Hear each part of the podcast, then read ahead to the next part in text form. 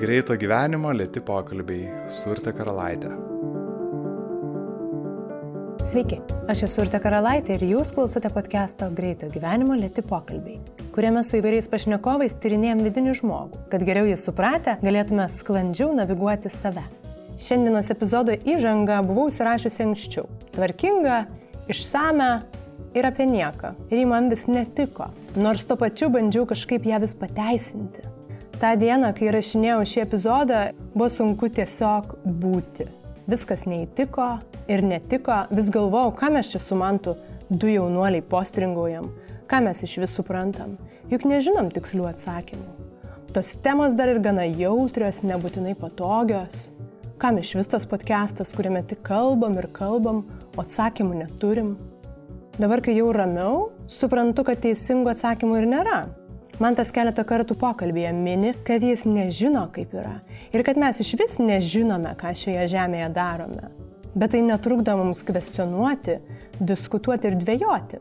Čia Inda iškart susisiekia su Imanto epizodu, kuris nekarta mini diskusijos naudą augimui. Va todėl mes ir kalbam, kad keltume dar daugiau klausimų bei diskusijų, su kuriomis nebūtinai turite sutikti. Tikėtina, kad jos iškels dar daugiau klausimų jums, o jūsų galvos tada jums ieškoti jiems atsakymų. Jei jaučia tokių klausimų naudą ir poreikį, prisidėkit prie podcast'o jį paremdami. Tai galite padaryti patreon.com pasvirasis brūkšnys lėti pokalbiai. Šį kartą už prisidėjimą dėkoju Linai Snarskeniai ir Gabrieliai Navagrutskaitai. O šiandienos epizode kalbuosi su savirefleksijose drąsiai nardančiu Mantu Joneikiu, grupės garbanotas gitaristu, o dabar ir klasikinės filologijos studentu. Jei nebijot neatsakytų klausimų ir drąsių diskusijų, nerkite į pokalbį su Mantu. Tai labas, Mantai. Labas. Pirmas klausimas galėtų būti mantas ar mantas? Man atrodo, kad mantas, bet žmonės skirtingai sako. Čia vienas dažniausių žodžių, kurį girdžiu gyvenime. Šitie garsai būtent, žinai. Ir tada tas mantas, man to. Tai aš visą gyvenimą klausau va šito žodžių darinio ir galvoju, kiek tai galėtų veikti mane iš tikrųjų. Nu, tas vardo, žinai, dalykas, kur aš gal netikiu, kad už vardo yra kažkokia magija tenai. Bet vien tai, kad fiziškai čia yra, matyt, vienas dažniausių žodžių, nu, garsų derinių, kurį aš girdžiu. Tai tada, kai sako, ką nors ten, nu, nežinau, man, pavyzdžiui, tai aš labai girdžiu, nes čia visada dėmesys į šitą, žinai, gal čia mano vardas sako. Tokio dviprasmiškumo. Man visą laiką, jeigu taip prie vardų, žinai, yra ispanų šalise vardas Soledad, vienatvė. Mm. Ir man su šituo vardu visą laiką, nu, toks kyla, žinai, klausimas, kaip, kaip tas žmogus gyvena, kaip tos moteris. Mes susitinkam šeštadienio rytą, na, ne su Saulės patikėjimu, bet e, visai mums diskusija buvo kilus ar čia anksti ar neksti. Ir man patiko, tu pradžioj mums susitikus minėjai, kad čia rytas geresnis už vakarą ar ne, ir kaip tas įsivažiavimas dienos vyksta. Ir man tokios dviejonės irgi kilo šiandien ryte, galvoju, nu gerai, aš čia pasiruošus, jau su tavim kalbėti, bet niekad nedariau interviu taip anksti ryte. Ir kaip čia dabar pavyks mums tas refleksijas gvildenti. Tai man įdomu, vat, irgi kaip tu pastebi, kaip tavo mąstymas veikia dienos ritme. Jo, aš irgi tą patį šiandien galvau, nes vakar vakare gal galvau kažkas, kas man šiaip įdomu, neįtarinant, ką atsakinėsiu į kokius klausimus, bet šiaip vaikščiau su šuniu ir galvau. Ir tada ryte atsikeli ir bandai pagalvoti tuos pačius ir jie visiškai kitoj šviesoje. Nu, iš tikrųjų, net pažodžiu, kitoj šviesoje. Ir aš gal irgi kažkaip kurį laiką dabar galvau, tas Yra tas posakis rytas už vakarą protingesnis. Tai gal iš tikrųjų protingesnis. Atrodo, ryte viskas taip sausiau atrodo, dar neaplimpa patirtimis ir taip toliau. Bet kažkaip man tai labiau patinka vakare, kaip galvojasi dalykai. Ryte būna tas, kad atsikeli ir dalykai atrodo nelabai prasmingi ten kokie nors ir kažką turiu įsivažiuoti ir tada vakare lyg ir apie tuos pačius dalykus, bet jau kažkaip tarkim, ryte būna tik skeletas tos mintis, o jau į vakarą apauga mėsa ir tada jau taip su juom gali bendrauti.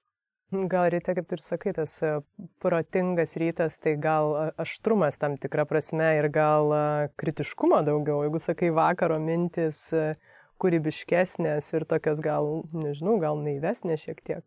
Bet nežinau, gal kiek naivesnis jo, tik tai, kad e, jas prisileist gal lengviau. Man šiaip vakare viskas atrodo daug lengviau e, gyvenimo atžvilgių ir pasaulio atžvilgių ir juokingiau. Gal tu tą dienos patirtį kažkaip praėjęs, supranti, kad, nu va, praėjo dar viena diena, aš čia galiu ten kažkokios ieškoti labai daug prasmės ir taip toliau, bet diena praeina, ją pergalvoju, galvoju, nu patiko man. Žinai, ir tada, o rytas gal tas iššūkis, kad tai šiandien dabar reikės kažkaip kažkuo vadovautis ir kažką daryti. Ir sakau, tokia, nu, gal tinka tas žodis protingesnis, žinai, nejautrus, ne ten kažkoks, bet, nu, protingas. Tik tai ar užtenka to sauso protingumo. Kažkaip vis tiek nors nuo kažko pradėti konstruoti taip kitaip. Kaip įdomu, nes uh, tikrai nemažai žmonių, man atrodo, patiria sunkumų būtent vakare, nu jeigu taip apie vidinius uh, išgyvenimus. Na, čia gal vienišumas dar prisijungia prie to paties. Mes, kadangi nelabai seniai buvom susitikę ir jau gerokai paplėtojom, tai pakapstėm visokių temų, pažinodama šiek tiek tave, turbūt galiu sakyti, kad visai pasikapstai ir pats, ir pareflektuoji. Galų gale domiesi ir skaitai, ir, ir junga mini dažnai psichologiją. Kodėl? Ko tu ten ieškai ir, ir kam tau to reikia? paprasčiausias atsakymas, tai žinai, kažkaip žiūri, kaip čia laimingam būti. Nu, man kažkaip gal įdomu, ypač jo ta savirefleksija, pamėginti suprasti, kodėl aš galvoju vienus dalykus, o ne kitus, kodėl aš jaučiuosi vienaip, o ne kitaip. Ir atrodo, kad visi šitie dalykai, nu, va, yra susiję ten su kažkokiu ten, nežinau, tuo vidumi, bet, sakau, gal tokios aiškios skirties tarp vidaus ir išorės nedarau, nes atrodo, kad viskas labai susiję, bet Yra dar toks Campbellas, aš tau kažkada irgi minėjau. Jo buvo gražus pasakymas, kad tarsi žmogus ten juda ratu arba sinusoide, žinai, kad ten nuotaikos prasme. Ir tada būna sunku ir, ir tie kraštutinumai veikia ir tave, ir kitus. Ir jeigu tai nupiešt kaip ratą, tai Campbellas sako, kad viso žmogaus gyvenimo tikslas yra išeiti į rato vidurį ir mokėt stebėt save iš rato vidurio, nes gyvenimas vis tiek visada eis tom, bet būt tuo stebėtoju, kuris nepasimeta dalykuose. Ir kartu ir išgyveni, nes būtų gal labai taip nieku nieko neišgyvent, nei tų ten nu, nu kažkokių duobių, nei, nei kažkokių pakilimų. Bet tik tai, kad, nu jo, tokio per didelio įsijautimo į tai, kad viskas čia jau dabar taip ir, ir niekada nebepasikeis, Ir būtent kai supranti, kad viskas juda ratu ir to tokio bangavimu, tai man atrodo tas kažkoks gilinimasis į savo mintis, į savo jausmus, kaip jos ateina, kodėl ateina, kur jos veda. Aš bent jau taip suprantu tą išeimą į rato vidurį, žinai. Įsivardint labai daug dalykų. O ką reiškia nepasimesti? Sakau, man atrodo, kad didžiausias pasimetimas tai yra išsigast, kad nepraeis. Mhm, kažkokia būsena. Jo, pavyzdžiui, čia dabar man už vakar tokios panikos atakos visai užėjo. Kažkaip aš iš viso prieš dešimt metų tai turėjau ten tokią visai keistą gal patirtį. Aš žiauriai daug klausydavau muzikos, labai svajojau kad reikia tapti labai gerų muzikantų. Labai daug susidėjo dalykų aplinkui ir dar tuo metu studijavau ir, ir man buvo taip ganėtinai gal pavažiavęs biški toks nervinis, žodžiu, mental breakdown vadinamas aš kokius tris mėnesius ten hipochondrija, ten skauda širdį, ten sunku kvepuoti, šiaip viskas baisu, tiesiog baisu kitas žmogus, šiaip visa realybė atrodo baisi. Gal geriausiai iliustruoja, kad aš atsimenu ten naktį toksai kažkoks kaip šokas, kad man iš viso kambarys lankstosi, nu toks kaip tripas gal, žinai. E, lubos artėja, sienos kliaudžiasi, nors, ta prasme, čia jo, be jokių ten substancijų, be nieko, tiesiog matyt ilgą laiką labai mažai miego ir perdėtas kažkoks noras kažką pasiekti ir taip toliau. Viena iš įsimintiniausių patirčių tai buvo, kad žiūriu į savo vardą užrašytą ant popieriaus lapo Mantas Ineikis ir man kyla neįtikėtina baime nuo to, kad aš nesprantu, kaip aš esu susisėjęs su šitais žodžiais, kaip jie mane įvardina, tarsi, kodėl aš esu tai, kas užrašyta ant kažkokio popieriaus lapo. Nu, iki tokių, kad po to ten brolis grįž iš mokyklos. Ir aš galvoju, palauk, brolis, ar tai įvardina kažkokią esmę, kaip aš susisėjęs su tuo ir kas iš vis yra brolis ir ar aš jį pažįstu. Nu, va tokios biški tokios, sakytum, trenktos mintis. Gal truputį paranoja, aš nežinau, man, man taip dabar atrodo, kad, nu, tu tam tikrą prasme per, per jautriai, per, per giliai viską išjauti, iš to nu, va, nuovargio, iš tai to viso. Kažkaip ko. tai panašiai buvo, nu jo, aš paskui nuėjau pas daktarus, sako, tai čia vegetacinė destonija. Tai toks yra nervinis išsiekimas, pervargimas. Ten skirtingų lygių pasireiškia labai daug žmonių. Tai žodžiu, bet čia buvo prieš dešimt metų. Gal net įdomu, kaip aš susitvarkiau su šito dalyku.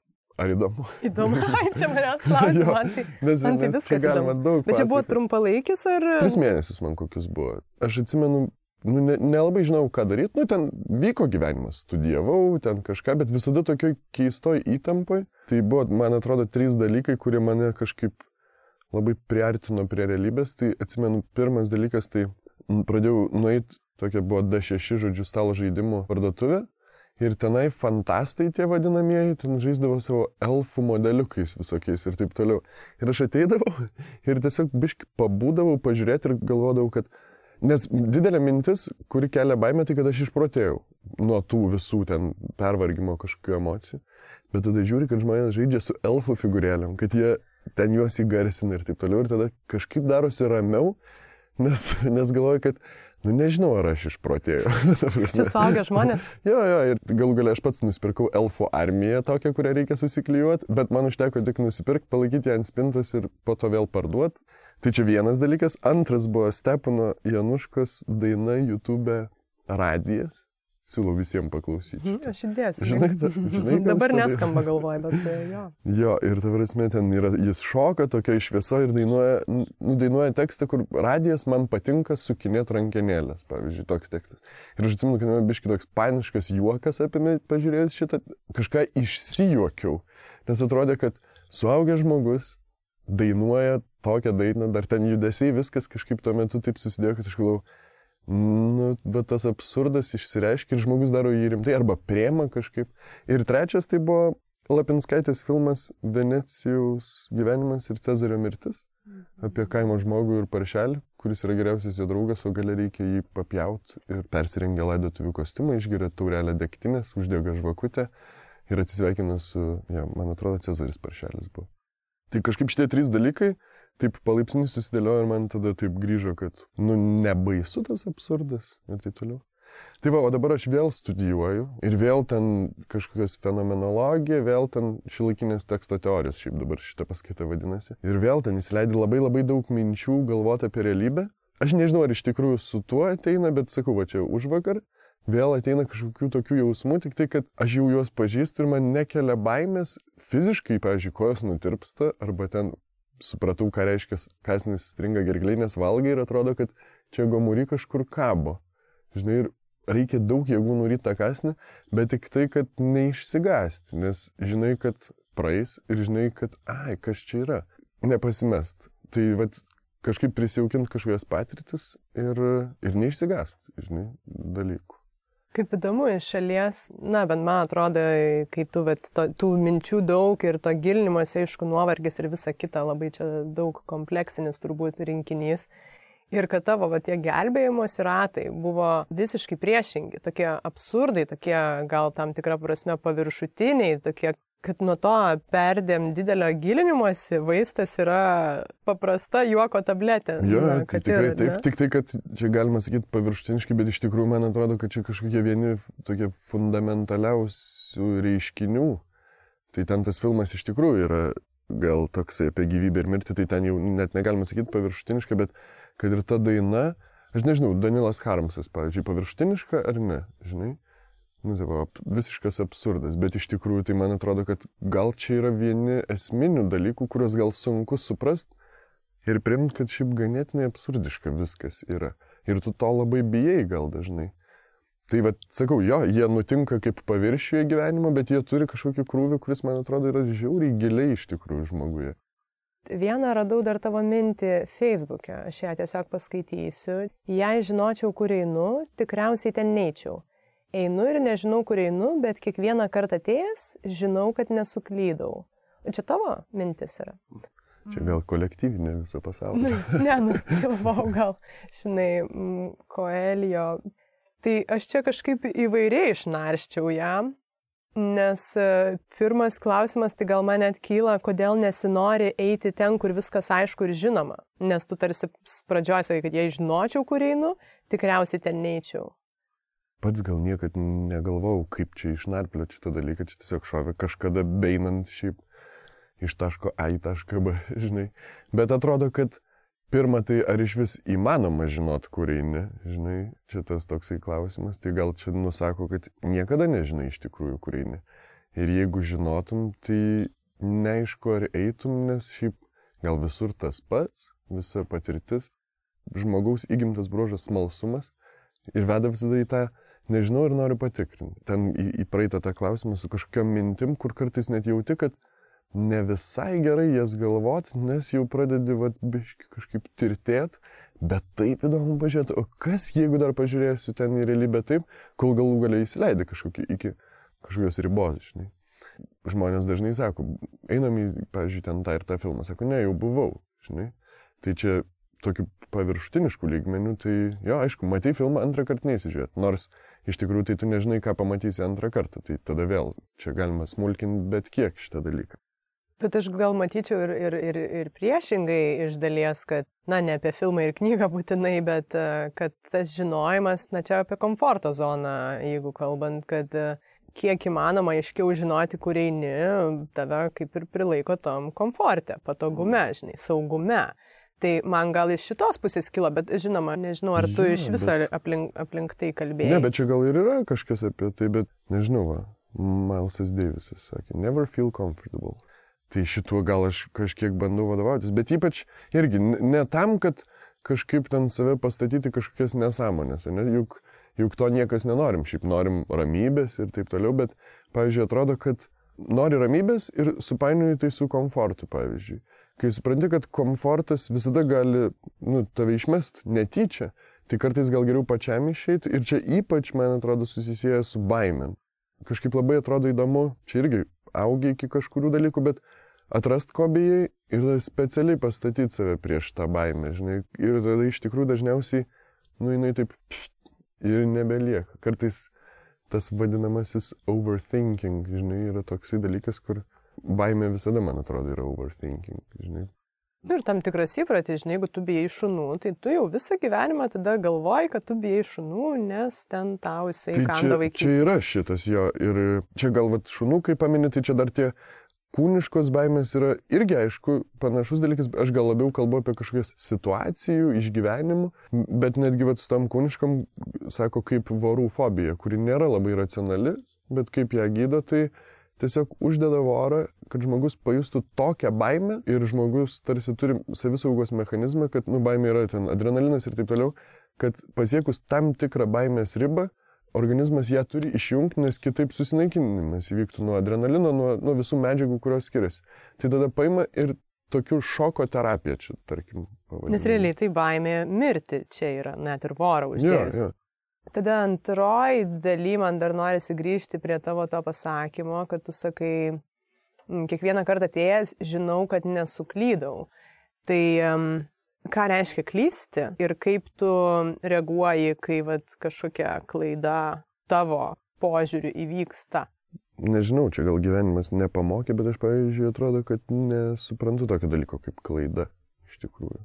Tu nepripažįsti, kad yra klaidos, ar nu, tu man atrodo, nevertini? kad ne. Dabar esame labai paprastai galvojant. Rašai diktantą ir padarai klaidą. Ne? Tai gerai, mes šitą žodį vartojam taip. Bet kokia yra diktanto esmė? Tai yra išmokt, e, žodžiu. Ir tada tai, kad tu išmokai kažką per tai, kad kažkas pataisė, tai gerai diktanto ten kažkokiu principu tai yra klaida, bet iš esmės tai padaro tave protingesniu. Tai ar tai, kas padaro tave protingesniu, galima vadinti klaida tą tokią platesnę prasme. Man atrodo, čia įdomu, ką žymi žodis.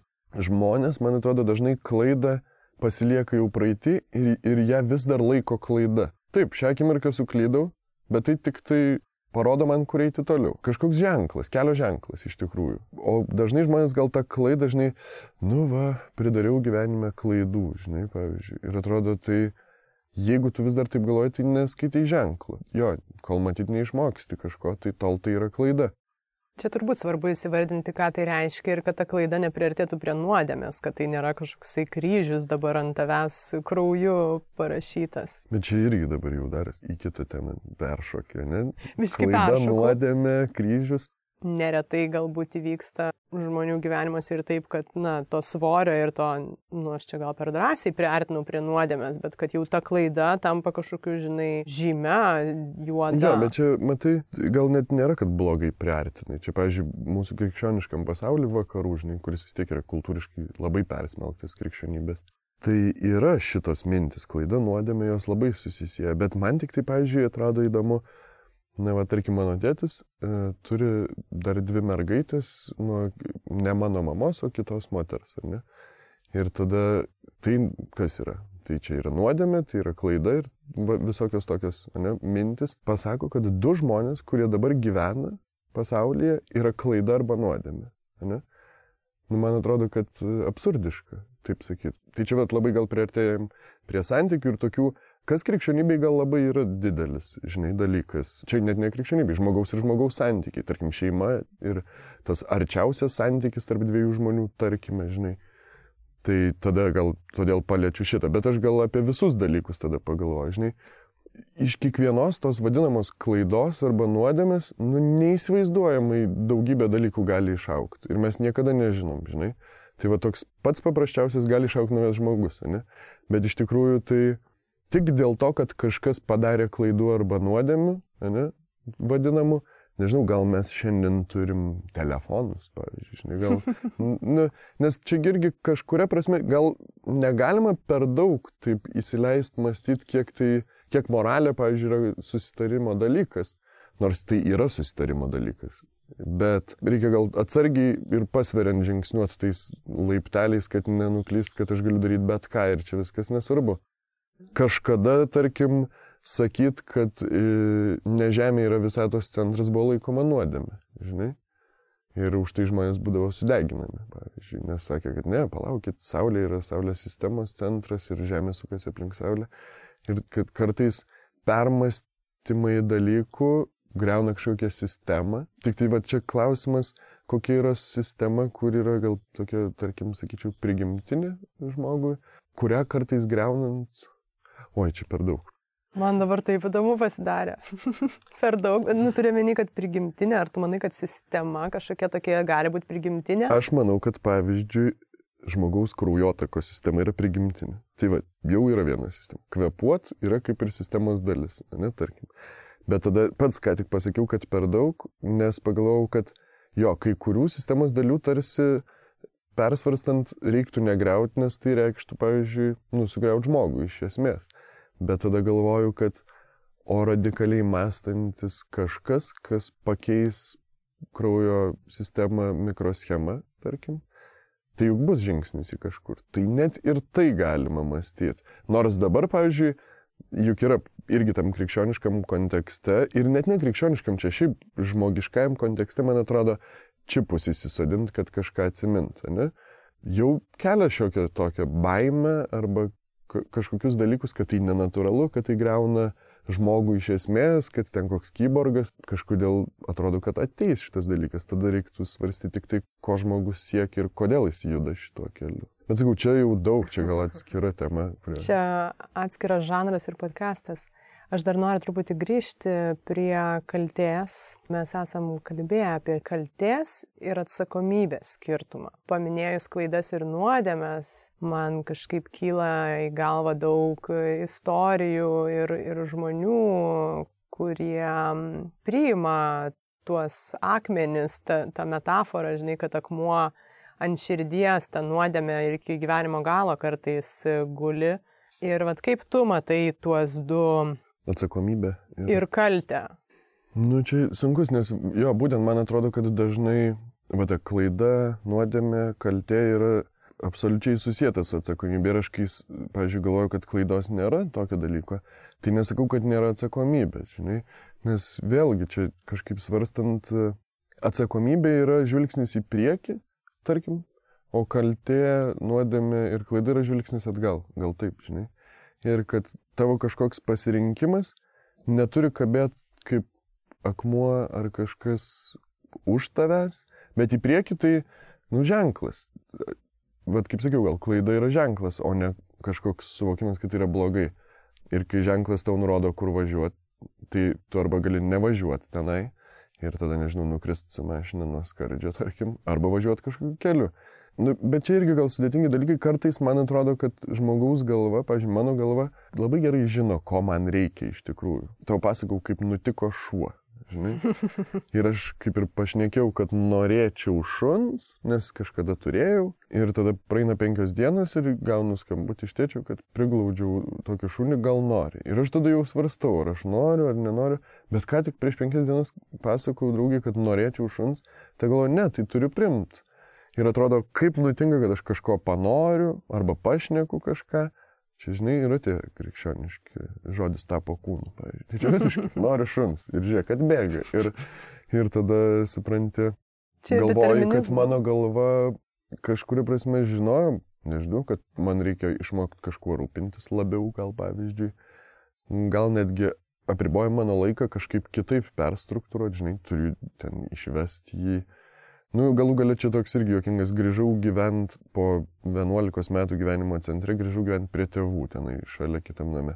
Ir irgi galvoju, nu kaip čia nutinka 30 metų prie tėvų, yra tas socialinis spaudimas arba net pats savo, kad tai gal čia kažkoks jau visiškai prastai, žinai, jau su tėvukais gyveni tokio amžiaus, bet galima taip galvoti, o galima galvoti, kodėl taip atsitiko, nes grinai atsitiko. Radau būtą, kuriame įsikraustysiu su šunimi, ramus e, laukiu, kada žodžiu, tenai persikraustysiu iš vieno būto į kitą, žodžiu, centre.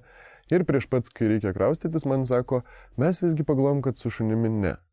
Nu ir tada kas? Tai gerai, ten yra namas prie tėvų, buvę, buvusių mano senelių namas, žodžiu, gerai, savaitę važiuoju ten.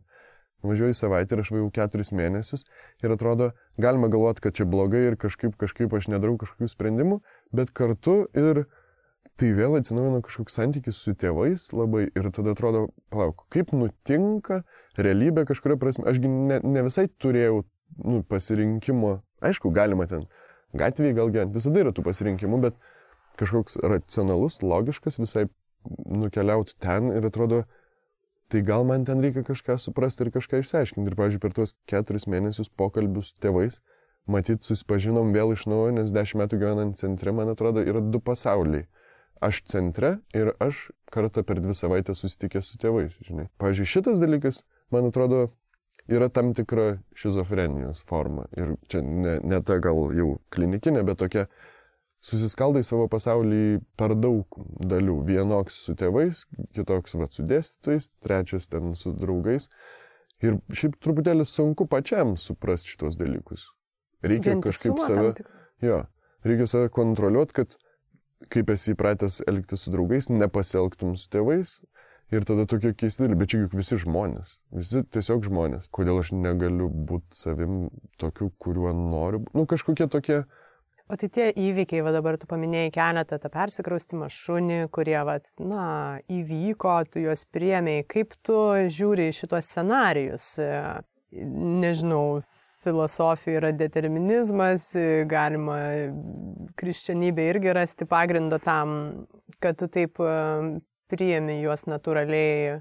Nu, va, determinizmas yra toks gazdinantis dalykas, ne? Pavyzdžiui, kad nulemta viskas ir viskas aišku, kaip čia man bus, aš tik tai nežinau to. Bet uh, iš kitos pusės aš nežinau, aš tai matyt, uh, nėra, kad labai daug galvoju, ten planuoju, kaip bus. Bandau primti tą akimirką kažkokią, kuri nutinka ir šiaip pamatyti tiesiog gražius dalykus. Man atrodo, irgi čia taip paprasta į viską, kaip pažiūrėsi, žinai, klasikinis, tai nežinau, šuo dabar tiek daug džiaugsmo ir, ir kažkokių dalykų, ten, sakau, su tėvais bendravimas irgi tiek daug džiaugsmo ir kažkokių minčių ir, ir išsikalbėjimų ir galų gale gyvenu už miesto, reikia truputėlį pakeisti centro įpročius, žinai, naktinį gyvenimą keisti truputėlį labiau į dieninį gyvenimą arba naktinį gyvenimą prie knygos vietoj to, kad naktinį gyvenimą bare.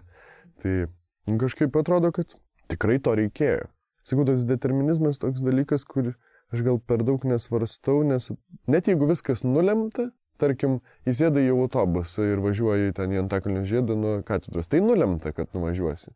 Bet ką tu tuo metu veiksi, tai labai nuo tavęs priklauso. Iš vis, ką matysi, ką žiūrėsi, bendrausi su kartu važiuojančiais ar ne. Tai aš labiau kažkaip esu linkęs, nes iš esmės determinizmas neišvengiamas, ne? Mirtis yra neišvengsim šito.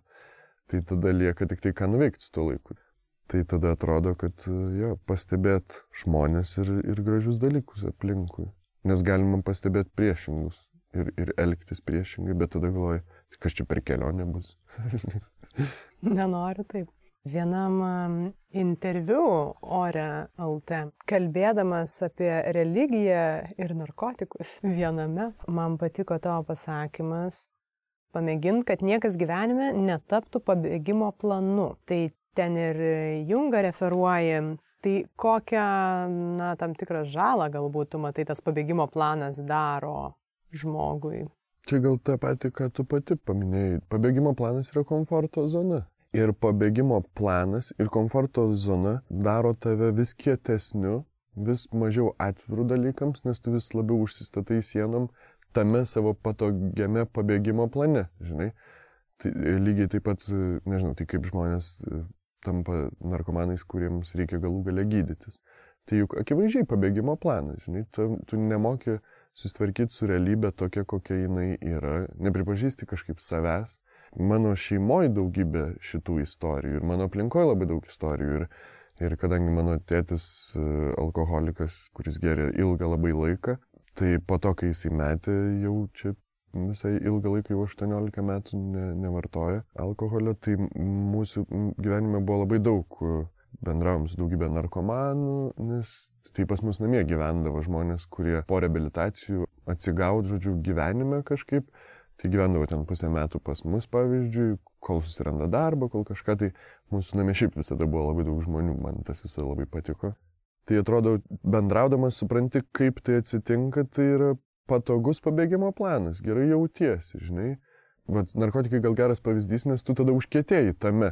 Tu kiekvieną dieną turi vartoti narkotikus, nes tada jautiesi gerai, ten didingas ir galingas ir kažkoks savimi patenkintas dažniausiai. Ir tada dar užkėtėjai tuo, kad dažnai žmonės tau sako, tu jau per daug, pavyzdžiui, vartoji, arba gal bandyk ne. Ir tu nebeįsileidi šitų minčių, žinai, ne, ne, neleidi savo suabejot narkotikais, pavyzdžiui, iki tam tikro lygio. Tai religija lygiai taip pat gali veikti. Taip pat gali veikti kiekvienas dalykas.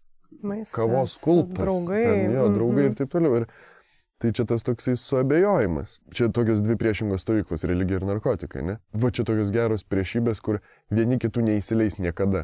Dažnai tie, kas narkotikai yra laisvi, va ten žolė, lala, tai tada religijos ten yra nesąmonė, lala, kai iš tikrųjų tai tos pačios patirtis. Aš praktiškai galiu pasakyti.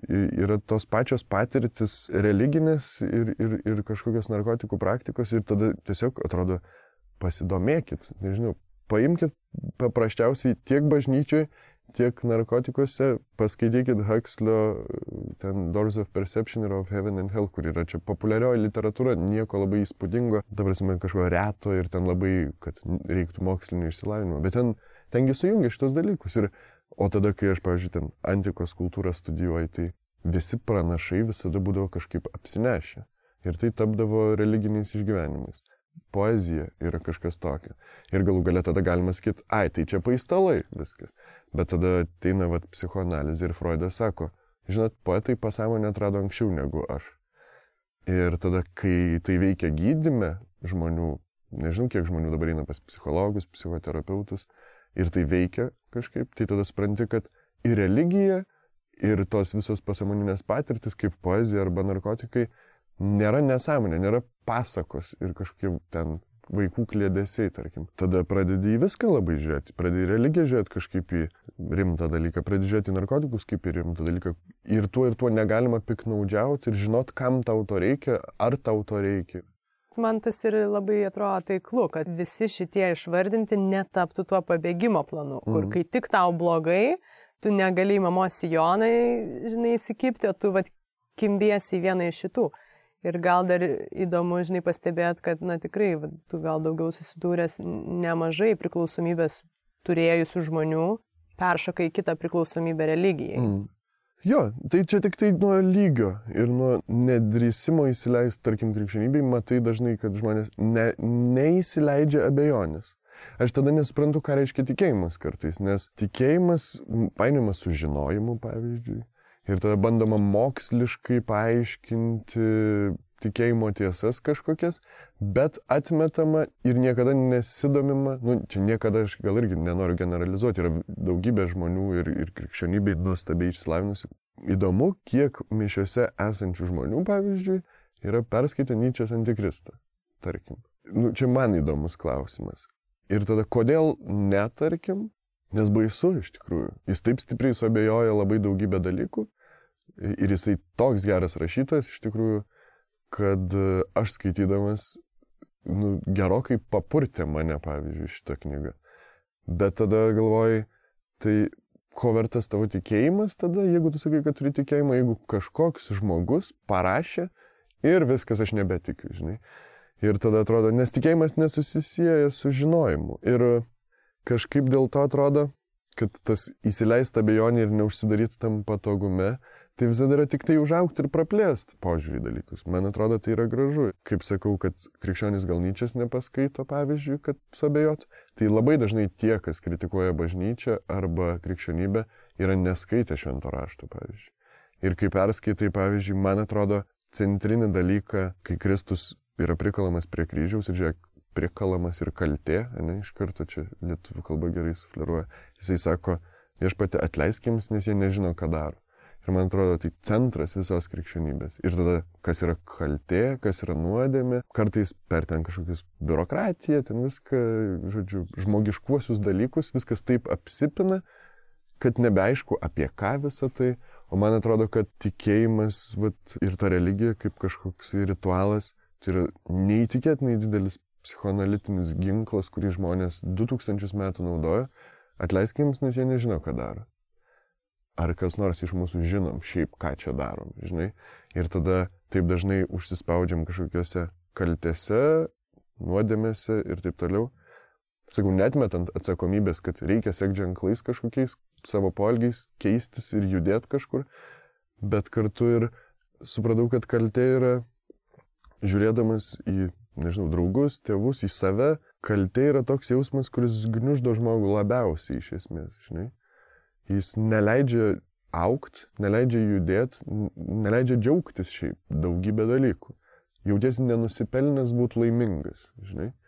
Ir tada atrodo, palaukit, tai o nėra labai gražu krikščionybės centras va šitas? Atleiskime, nes jie nežino, ką daro. Ir po to sakau, Joseph Boyce toksai ten fluxus, kas man žavi, bet fluxus, dada, juk jie bandė tokį. Čia nerimta viskas, žinai. Tai kur How to be an artist, tokia mylė rašti, yra eilutė, kur man iš karto taip, you're innocent.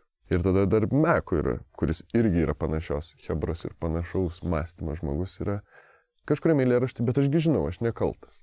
Tai nereiškia neatsakingas. Tai va, va, tuos labai svarbu atskirti. Noriu truputį priartėti prie santykių. Galima pastebėti kraštutinumų poro santykyje kad yra, na, arba tas klasikinis priraišumas ir klasikinis formatas, kur yra du žmonės ir jie iki gyvenimo galo turi keliauti kartu ir tada yra visi kiti įmanomi formatai, kurių dabar jau yra labai daug. Ir tokia tam tikra dvikova gal vyksta tarp atsakomybės ir įsipareigojimo ir, ir laisvės, kuri dabar jau tokia yra pusiau norma jau nebėra, žinai, iškart nurašoma kaip nuodėmė. Tai gal e, įdomu, kaip tu matai šituos kraštutinumus ir iš ko jie atsiranda dabar.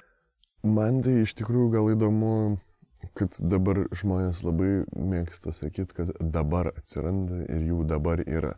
Čia lygiai taip pat kaip, pavyzdžiui, dabar visos, e, žinai, LGBT, tarkim, problemos ir taip toliau. Čia dabar, čia pasaulis ritasi, žmonės labai mėgsta šnekėti, va, santykiai ritasi. Tai aš nežinau, tiesiog pasidomėkit pasaulio istoriją. Antika, pavyzdžiui, tiesiog. Tai Romos imperija. Absoliučiai lygiai tas pats. Graikų pasaulis.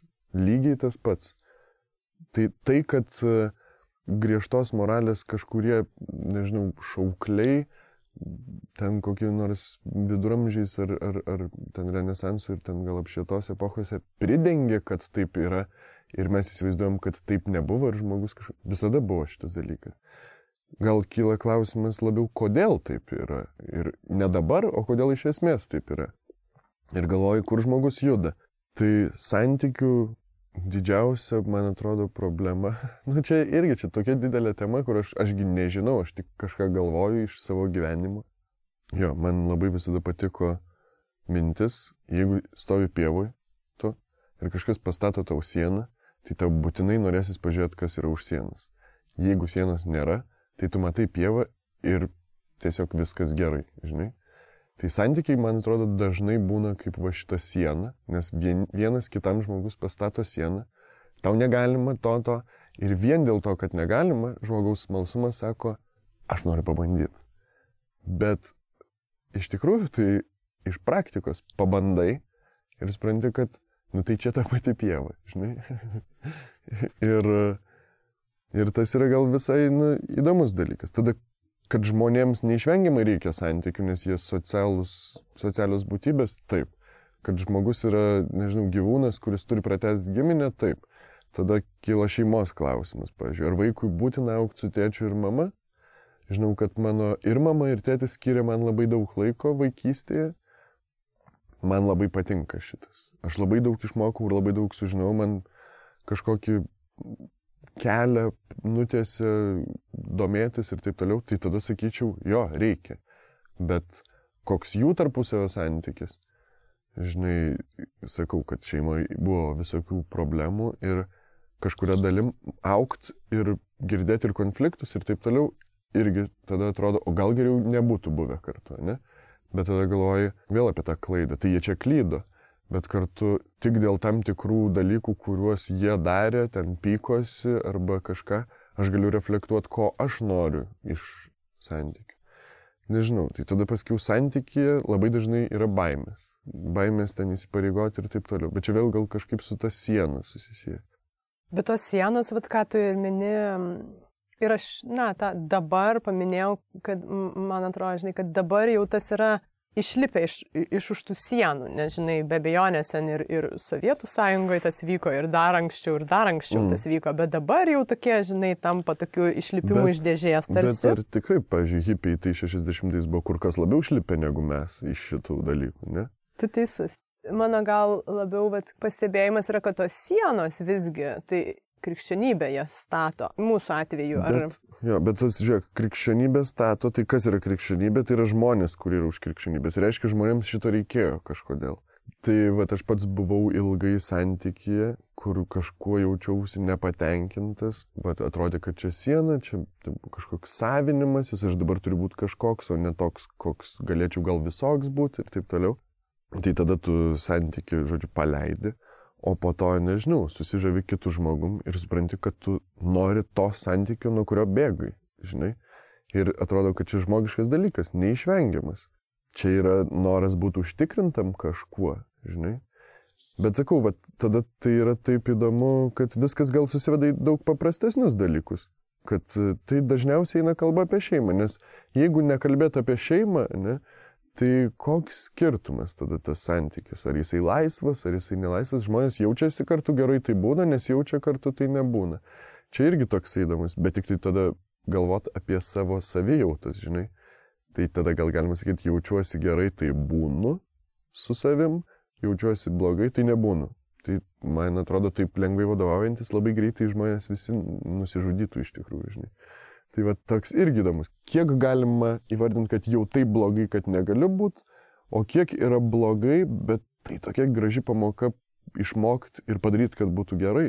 Aš tiesiog nesudėčiau per daug reikšmės gal šitiem klausimam. Man kartais atrodo, kad juk irgi, tarkim, ta pati krikščionybė, va, kur tu sakai, tai o tai kas tada yra kunigai, vienuoliai, visi šventieji ir galų gale pats Kristus, kurie tai santykių dažnai ir neturi tokių žinai, šeimos arba ir tai laikoma kaip idealu, žinai, kažkokiu. Vat Švento Pranciškaus atvejais jisai buvo taip įsimylėjęs Šventą Klarą, kuri po to tapo šventą, žodžiu, bet matyti jam taip nepasisekė, nežinau, jos širdį užkariauti, ar nežinau, kas jam ten buvo galvoj, ten daugybė yra istorijų, bet kad galų galiai jisai atsisakė šito dalyko ir nusprendė visiems žmonėms būti ir yra vienas iš kažkokių apskritai žmonijos idealų ir nebūtinai krikščionybės. Man labai patinka, kad, žinai, gal Henry Millerį tokį. Mhm. Tai vad jo vienas didžiausių idealų gyvenime yra Šventas Pranciškus.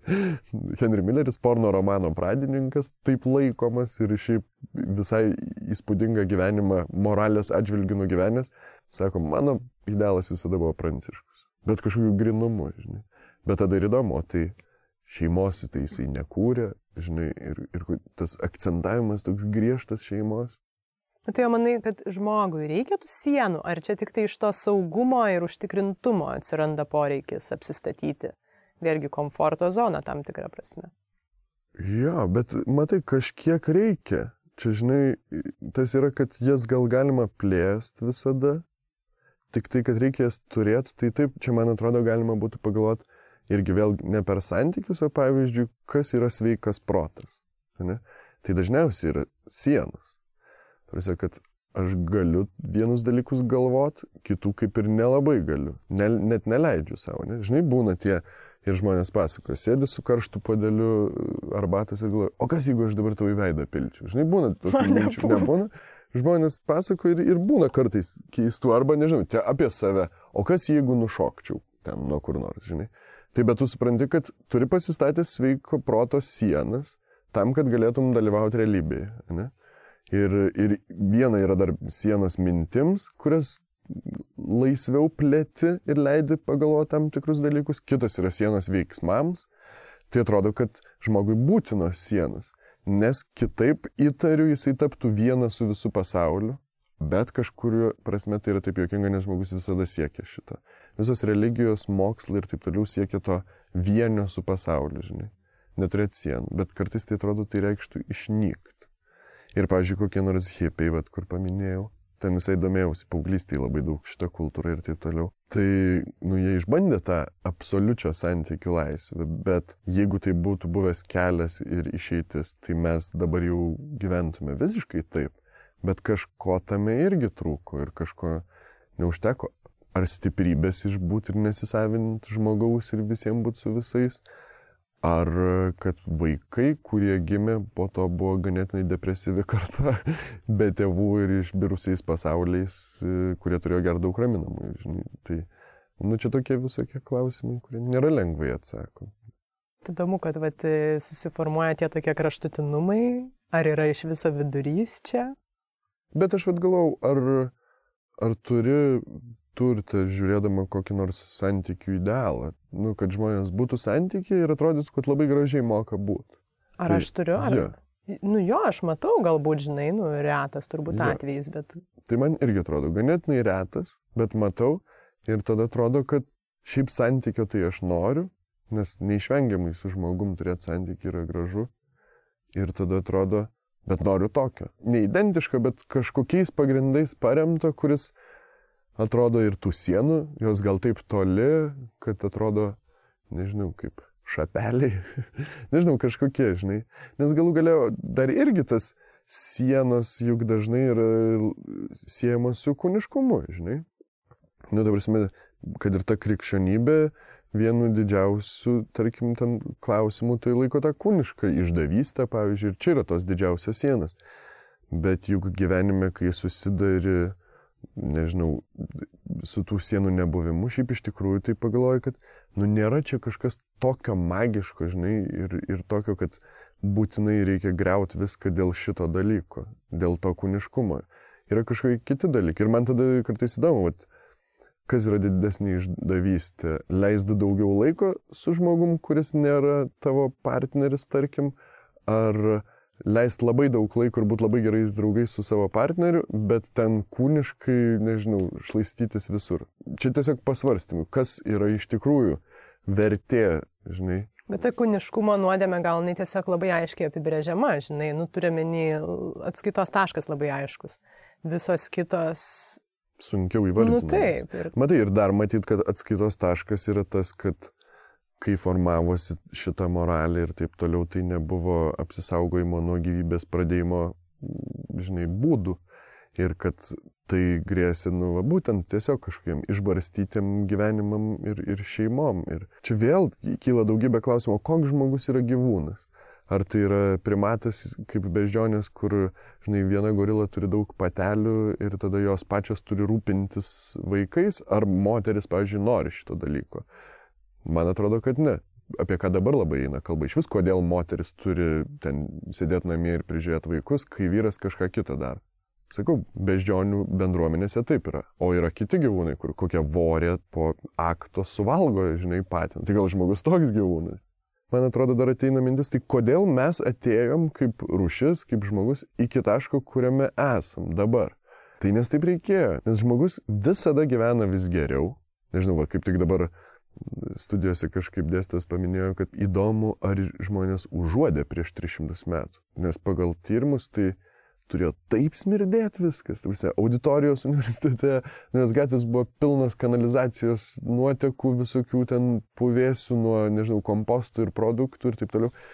Tai pagalvoju, kad vien tuo aš neįsivaizduoju, kaip reiktų gyventi tokiam pasaulyje. Ir didėja pagarba gyvybei žmogaus, niekas negali tavęs taip lengvai užmušti, kaip ten laukiniais vakarais atbėga sodybovo filmas ir nuša.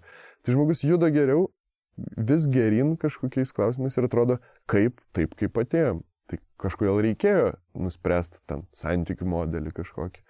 Man dar visada, va čia ir, ir krikščiai, apskritai visos temos yra tokia, staiga ateina kažkoks mantas, žinai, ir sako, krikščionybė yra nesąmonė, čia yra išmislas. Ir tada galvoju, man 30, lyginant su krikščionybė, kuria yra dabar, tarkim, 2019 metų, Ar aš galiu taip greitai ateiti ir sakyti, 2019 metų jūs visi nieko nesupratot ir darėt nesąmonės. Nu, tai čia žiauriai didelė puikybė. Ir tai nereiškia, kad aš neturiu tiesiogiai primti ir nepersvarstyti pagal savo laiką. Iš vis, man atrodo, didžiausias radikalumas šiais laikais yra būti kuo mažiau radikaliam.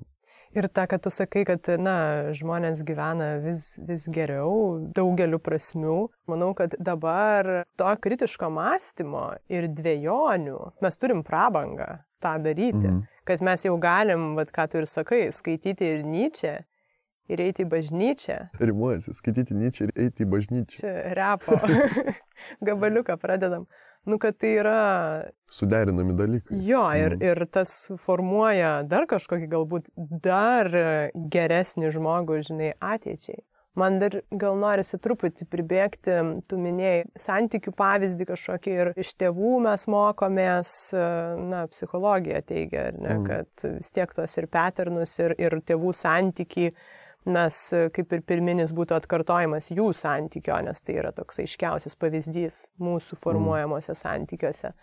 Nebūtinai ten tas pavyzdys būna tobulas ir yra tikimybė, ar ne, kad mes nešam tą formuluotę toliau savo žingsniuose. Kaip tu tą matai ir tu mini, kad galbūt susiformulavimai, bet kokio pavyzdžio, kad priešingai aš šito pavyzdžio kaip savo tėvų nenoriu daryti, ar čia daug pasąmonės yra veiksnių, kiek mes galim tą reguliuoti. Nu, čia gal jo, toks irgi labai sunkus klausimas. Aš tai tik tai galvoju, kad jo, yra dalykų, kurių noriu kaip mano tėvai, yra dalykų, kurių nenoriu kaip mano tėvai.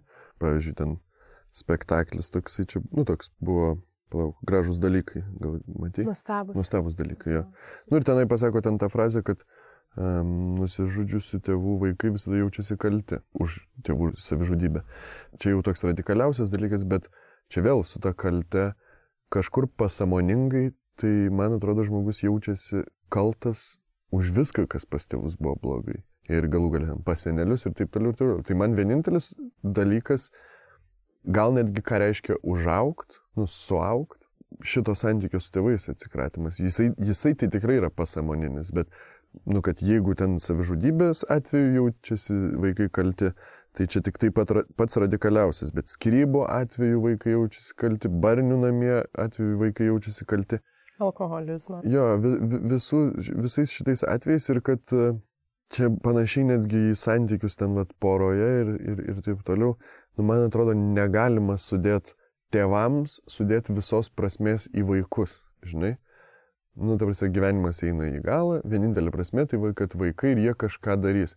Vaikai tada turi nešti šitą dalyką ant pečių ir tai sunkina gyvenimą ir trukdo. Žmogus turi ieškoti laimės ten savy ir išorėje, bet niekada gal neužkraut kitam. Man atrodo, santykios yra irgi, va, tai čia tiek pats tėvais visur yra baisus dalykas, kai pats nežinai, kaip būti laimingam. O dar kažkas sako, tai tu ir mane dar padaryk laimingą, žinai, ir uždeda tavo ant pečių ir tu galvoji, o ne, aš pats nemoku, o dabar dar kitą.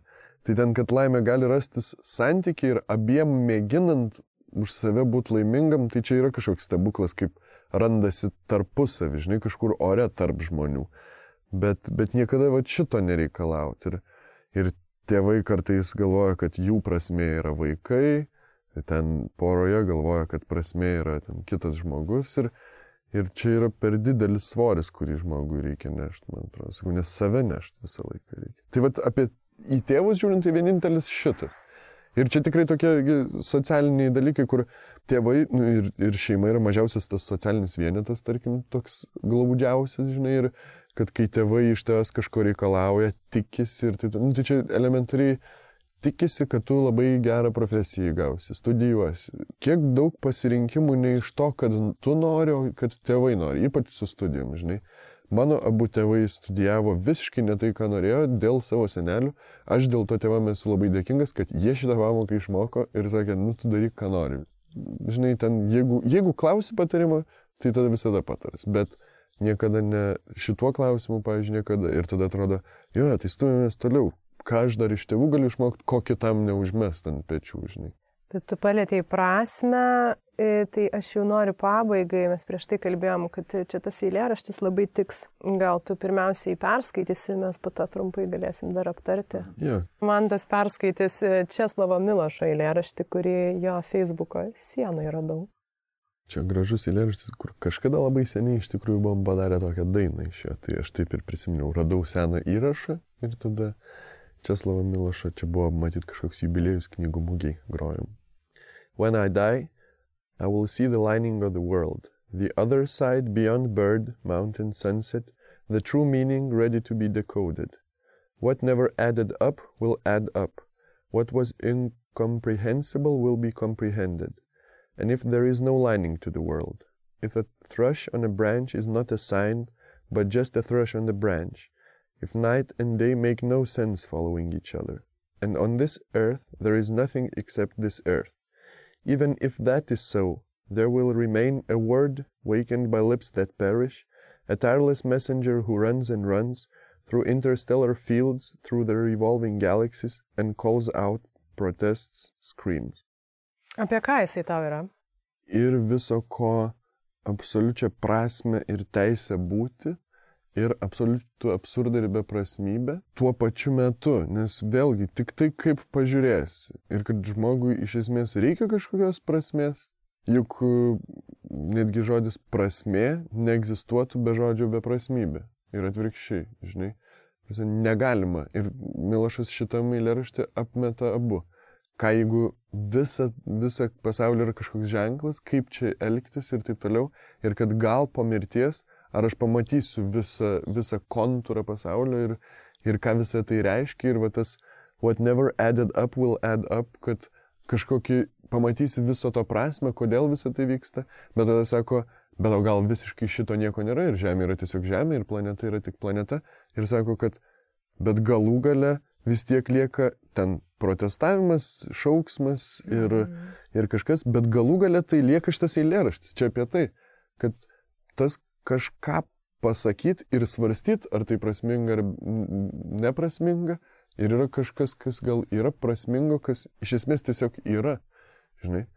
Nu čia, nežinau, daug čia galima galvoti, kodėl. Ne, tai įdomu, kad man kažkaip irgi panašiai gal persiskaitė ir tas um, čia susišaukė netgi su pačia pradžia ir tavo, man šiek tiek tavo kalbėjimo apie tą overthinking ir tada apie kitoj pusėje kažkokį absurdą ir paprastumą. Tai čia šitam eilėraštį irgi kažkokia girdžiu diskusija, ar ne, ar čia yra tas silver lining, o gal iš tiesų nieko nėra ir čia yra tiesiog šaka, ir mm. žinai, tai toks um, kažkokio lengvumo priduoda, jis toks man labai lengvas.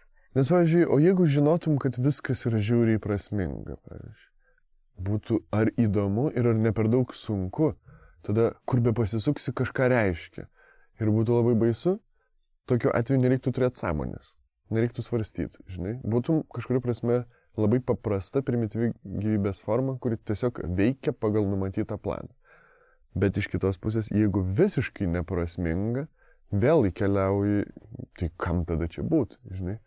Bet tas pats svarstymas gal yra kažkoks malonumas, Nežinau, man tai, pavyzdžiui, iš viso kartais atrodo, nu šiaip žiauriai įdomu yra gyventi. Ne? Tiesiog, vat, net negaliu pasakyti, kad visada gera, negaliu pasakyti visada linksma, negaliu čia, čia ir dabar, a, ten, žinai, visas šitas, kurį gal pragyvenau, kai man buvo 19, ten, sakau, su visais hippie movementais, bet atrodo, kad kas lieka, tai yra įdomu, smalsu, žinai, smalsu, kas manęs laukia. Ir tada gal jeigu jau tu nori pabaigti, papasakosiu vieną mažą istoriją. Labai gal apie šitą, žinai, apie smalsumą ir, ir visą kitą. Toks draugas kažkada sako, mes vaikystėje atsimenu žaisdavom kompiuterinį žaidimą tokį ten, su mašinėlėm kažkokias lenktynės. Ir sako, mes gyvenom su broliu vienam būte, o kaimynai buvo dar kiti du vaikai. Ir tie du vaikai gerokai blogiau žaisdavo, bet jie turėjo kompą ir žaidimus. Tai žodžiu, ten tas draugas su broliu eidavo keturiesi jie pažaist kompų. Ir sako, nu, mes visada laimėdavom, žodžiu, ten atvažiuodavom pirmi ir taip toliau. Bet sako, kas buvo labai gražu, kad mažesnis dar broliukas, žodžiu, pats jauniausias, matyti iš visų keturių, pravažiuodavo visą trasą ir šaukdavo, jie, aš laimėjau paskutinis. ir man šitas atrodo toks geras, žinai, kad laimėti tai nebūtinai pirmam. Ir tada galvoju, tai ką reiškia laimėti? Laimėti reiškia pabaigti trasą, žinai, įveikti ją. Ir ta prasme, kad gal čia ir yra visas įdomumas. Nenustot sakyt, ai, jūs jau atėjot, tai man nebeverta eiti, žinai. Tai tada jau seniai buvo galima čia niekam eiti, nes visi ten susidurinėjo su prasme, beprasmybė ir taip toliau. O kitas dalykas, kad reikia žinių, žinai, kaip tą trasą įveikti. Tai tada, nu, praktikos, reikia, reikia, žinai, domėtis, reikia stebėti tą trasą, žinot, kur yra kelias, rinktis kelią. Gal kartais yra kažkokių ten trumpesnių kelių ir, ir... Bet galų gale, kad galima laimėti ir paskutinę. Man tai šitas labai toks vaiko pamoka suaugusiam žmogui, žinai. Aha, ir, ir net žiūrint laimėt paskutiniam, bet net žiūrint į laimėtojus, pirmus laimėtojus, žinai, kažkaip bet ne, neišeiti iš to žaidimo ir vis tiek varyti iki galo. Tai va, va, va čia trasą. būtent. Nes ta trasa įdomi yra, mm. net jeigu tu ir ne tą medalį pasiimi. jo, nes gal net ne apie medalį, čia nu. esmė yra čia tik tai susirinkom pažaist, žinai. Ačiū labai, kol neįgriuvam vėl į kokias nors tamsesnės diskusijas, tai aš noriu su šito įdomios trasos gaida ir pabaigti. Mm, tai, šiandien dar daug laukia įdomios taip, trasos. Tai, tai tau ir toliau įdomios trasos tada. Neišvengiamai, man.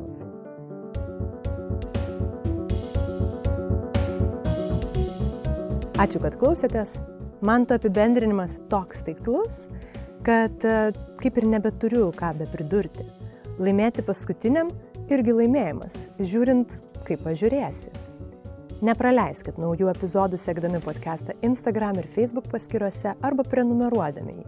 Beje, jei jums įdomu tai, ką girdite, parašykit atsiliepimą Facebook ar iTunes platformose Papasakokit apie podcastą draugams, norėtųsi, kad jis pasiektų ausis tų, kuriems šios temos iš tiesų yra aktualios. Priminsiu, kad prisidėti galite patreon.com pasvirasis brūkšnys lėti pokalbiai. Su jumis buvau aš, Urte Karalaitė. Iki kitų nebūtinai patogių, bet tikrai naudingų kartų.